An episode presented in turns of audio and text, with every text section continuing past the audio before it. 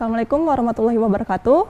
Kembali lagi ke Said Hussein Channel dalam program Fit Your Faith.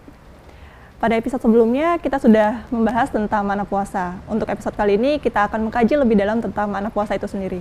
Ya. Bismillahirrahmanirrahim. Rabbil alamin wa sallallahu Muhammadin wa alihi wa sahbihi ajmain. Panjang ya bab ini nih. Lumayan panjang tuh. Kita harus mempersiapkan banyak hal sih untuk beramal soleh. Ya emang hidup ini semuanya panjang nggak akan pernah selesai. Betul. Makanya orang belajar agama sampai kapan? Ya sampai tutup kain kafan nggak akan kelar. Ada lagi ilmu lagi, ilmu ini berkembang, berkembang dan berkembang. Oleh karena itu, kita harus menjadikan bekal bagi diri kita sendiri sehingga kita tidak menyesal kelak di akhirat. Ini bekal kita, kita beramal soleh. Bekal yang, kita, yang akan kita bawa. Makanya Allah berfirman di Quran, Manja abil hasanat. Barang siapa yang datang membawa kebaikan. Allah nyebutnya datang membawa bukan man amila, man fa'ala, man qaddama barang siapa yang melakukan, menyuguhkan atau mengerjakan. Dibawa nggak nih amal soleh? Bisa jadi dia mengerjakan tapi dia tidak bawa. Itu bisa gitu karena tidak memenuhi syarat-syarat yang tadi sebelumnya iya, sudah mungkin dia tidak ikhlas, mungkin ria, mungkin dia pamrih, mungkin tidak, sih. mungkin sholatnya tidak khusyuk misalnya, itu semua. Makanya yang diminta sama Allah itu pintunya pertama emang zohir Sholat itu gerakannya kan, sujud, ruku. Tapi yang diminta sama Allah adalah maknanya, metafisika. Ada fisika dan ada metafisika. Fisika haji kita tawaf, kita lempar jumroh. Apa itu cuma lempar itu kan fisikanya, metafisikanya. Saat kita ngelempar, nanti kita kembali ke negeri kita, iblis ya teman kita lagi. Tadi di sana lu udah ngelempar. Nah, itu diminta metafisikanya. Walaupun pintu pertama adalah fisikanya. Jadi puasa awam. Masa kita nggak mau awam doang? Upgrade dong. Derajatnya berbeda. Bismillahirrahmanirrahim. Allah berfirman di surat Al-Isra ayat 13 dan 14. Bismillahirrahmanirrahim. Wa kulla insanin alzamnahu ta'irahu fi unukihi. Tiap-tiap manusia itu amalnya itu perbuatannya ada di kalungnya, di lehernya. Orang ini ulama nih 50 tahun, 70 tahun lalu nemuin bahwa ada chip di tengkuk kita. Literally chip, chip atau uh, hanya kiasan?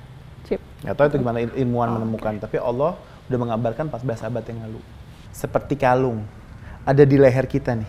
Amalan-amalan Amal itu Wa nukhriju lahu yaumal qiyamati kitaban yalqahu mansyura. Dan kami keluarkan baginya itu pada hari kiamat sebuah kitab yang dijumpainya terbuka. Jadi buka-buka semua amal soleh kita.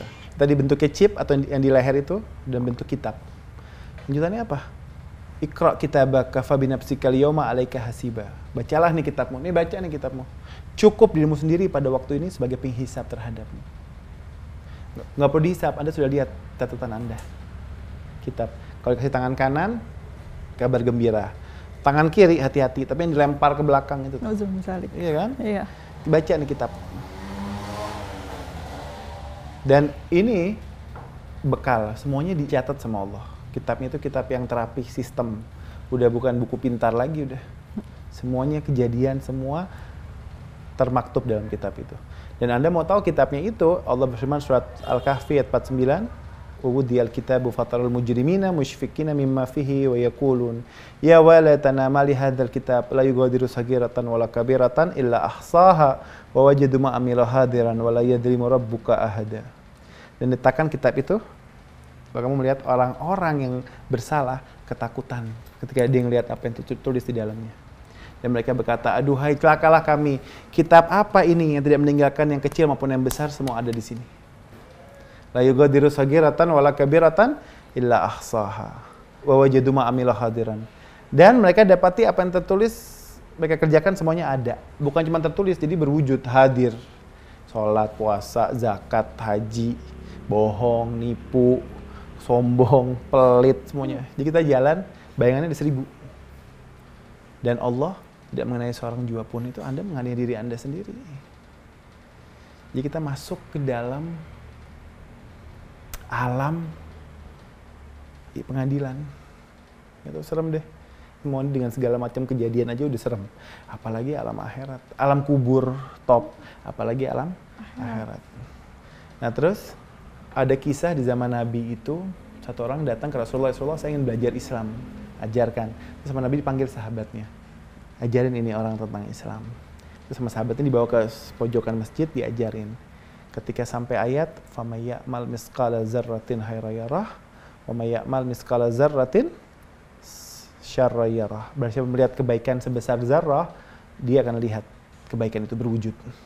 Dan berbuat keburukan, kejahatan sebesar zarah, dia akan lihat juga berwujud. Terus kemudian orang ngomong gini, stop, stop, stop. Kata sahabat masih banyak lagi.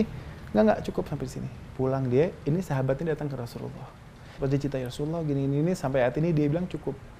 Kata Nabi, biarkan, karena dia seorang yang cerdas. Dengan satu ayat itu Cukup dua ayat itu tadi, tapi sudah paham bahwa semua yang dikerjakan ada balasannya. Zarah itu apa ya, paling kecil, kecil ya. Makhluk paling kecil di planet ini saya pikir getaran. Dia lihat balasannya. Keburukan juga dia lihat balasannya. balasannya. Nabi bersabda, wahai manusia, ini ucapan yang bilang maharaja dan per, kerajanya perkataan menurut saya. Wahai manusia, sungguhnya dunia adalah tempat yang fana. Sedangkan akhirat adalah tempat yang kekal. Dunia tempat yang fana, akhirat tempat yang kekal. Ambillah di tempat yang lewat ini untuk tempat yang kekal. Ambil semua amal soleh. Bawa itu semua amal soleh. Keluarkanlah dari hati kalian yaitu dunia sebelum dunia mengeluarkan kalian dari badan kalian keluarkan kecintaan pada dunia. Sebagaimana dunia akan mengeluarkan ruh engkau dari badan engkau. Lanjutannya apa? Di dunia kalian dihidupkan. Kita semua ini dihidupkan di mana di dunia, sedangkan untuk akhirat kalian diciptakan. Di tujuan kita diciptakan apa? Untuk akhirat, bukan untuk dunia. Ambil di tempat yang lewat ini. Ini semua sifat-sifatnya sementara kok. Anda banggain apa? Apa pun dibanggain, apa? Habis semuanya jangan sombong kain kafan nggak ada kantongnya. Itu benar tuh itu ucapan. Buat apa-apa cuman amal. Dari Sulaim bin Jabir berkata, aku datang pada Rasulullah dan Rasulullah alaihi wasallam dan berkata, ajarkanlah kepadaku kebaikan yang dengannya bermanfaat untukku. Rasul berkata, jangan engkau meremehkan kebaikan apa pun. Apa pun di caps lock, di garis bawahi. Jangan meremehin kebaikan apa pun. Sekalipun engkau hanya menuangkan air pada wadah untuk orang yang kehausan. Dan ketika engkau bertemu dengan saudaramu dengan wajah yang baik, dan ketika di belakang mereka, janganlah engkau menggibahnya.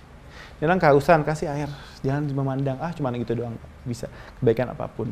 Ini takut keinjek, ketendang, geser. Jangan meremehkan kebaikan apa pun. Jadi situ ada keriduan Tuhan di situ. Sebaliknya jangan memandang rendah ke maksiat apa pun. Jadi situ ada kemurkaan Tuhan. Maka di surat Al-Baqarah 197 Allah berfirman, Watazawwadu fa inna di taqwa. Berbekalah. Sesungguhnya sebaik-baik bekal adalah takwa. Wattakuni ya ulil albab. Bertakwalah kepadaku hai orang-orang yang berakal. Mau S1, S2, S3, S bonbon, S cendol, S nengnong, S apa pun itu. Tapi kalau dia bukan orang yang menggunakan akalnya ya, atau meniadakan akalnya, saya selalu ulang. Kalau orang beragama tapi tidak menggunakan akal, berarti yang, yang beragama itu para penghuni kebun binatang karena akal ditiadakan. Sedangkan agama ini pertama adalah akal. akal. Allah ada nggak? Ada. Ada. Atau siapa? Nabi. Hmm. Nabi dari mana? Dari Al-Quran. Quran dari Allah. Allahnya ada nggak? Makanya pertama yang dipakai adalah hujah. Pertama itu adalah akal. akal. Baru nanti Al-Quran dan Rasul yang menjelaskan. Keberadaan Tuhan kita menggunakan akal. Makanya ulul albab. Di sini apa? Watazawwadu fa inna harazadi taqwa. Berbekalah, sungguh sebaik-baik bekal adalah takwa. Kita cuma punya bekal takwa aja yang bisa dibawa amal soleh. La'allakum tatakun. Agar kamu bertakwa. Sebaik-baik bekal adalah takwa yang mau dibawa. Itu sebaik-baik bekal deh itu. Takwa. Ini dikatakan seorang sahabat melatih pemakaman dan berkata, Assalamualaikum ya ahlal kubur. Antum lana salaf wa nahnu lakum khalaf wa inna insyaallah bikum lahikun. Salam untukmu wahai para penghuni kubur, kalian telah mendahului kami dan insya Allah kami pasti akan menyusul. Baca setiap di kuburan. Assalamualaikum ya ahli kubur, antum lana salaf, wa nahnu lakum khalaf, wa inna insya Allah bikum lahikun. Ammal masakinu fasukinat. Rumah-rumah kalian sudah ditempati orang lain. Wa amma al azwaju fanukihat. Suami istri kalian sudah nikah lagi dengan orang lain. Wa ammal amwalu fakusimat Harta-harta kalian sudah dibagi-bagikan. Haza khabarun ma indana. Ini kabar dari kami. Falaita syi'ri ma khabaru ma indakum. Ini kabar dari kami. Aduhai apa kabar dari kalian penghuni kubur?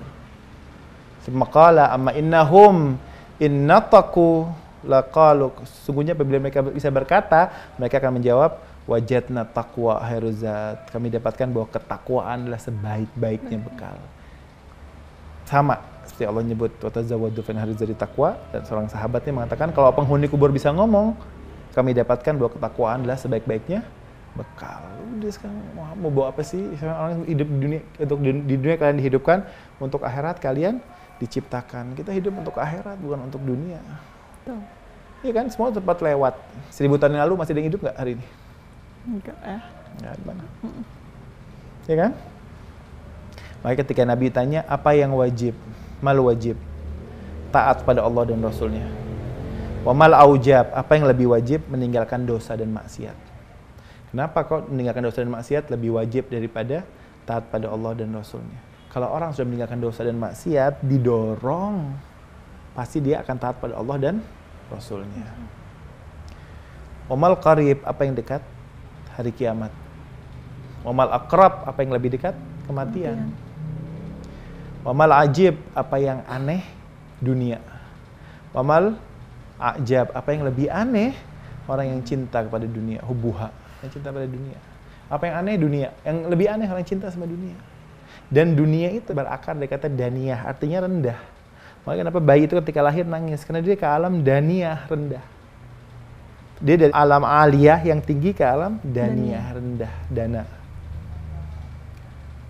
Wa masab, apa yang sulit? Nah ini kita mau bahas.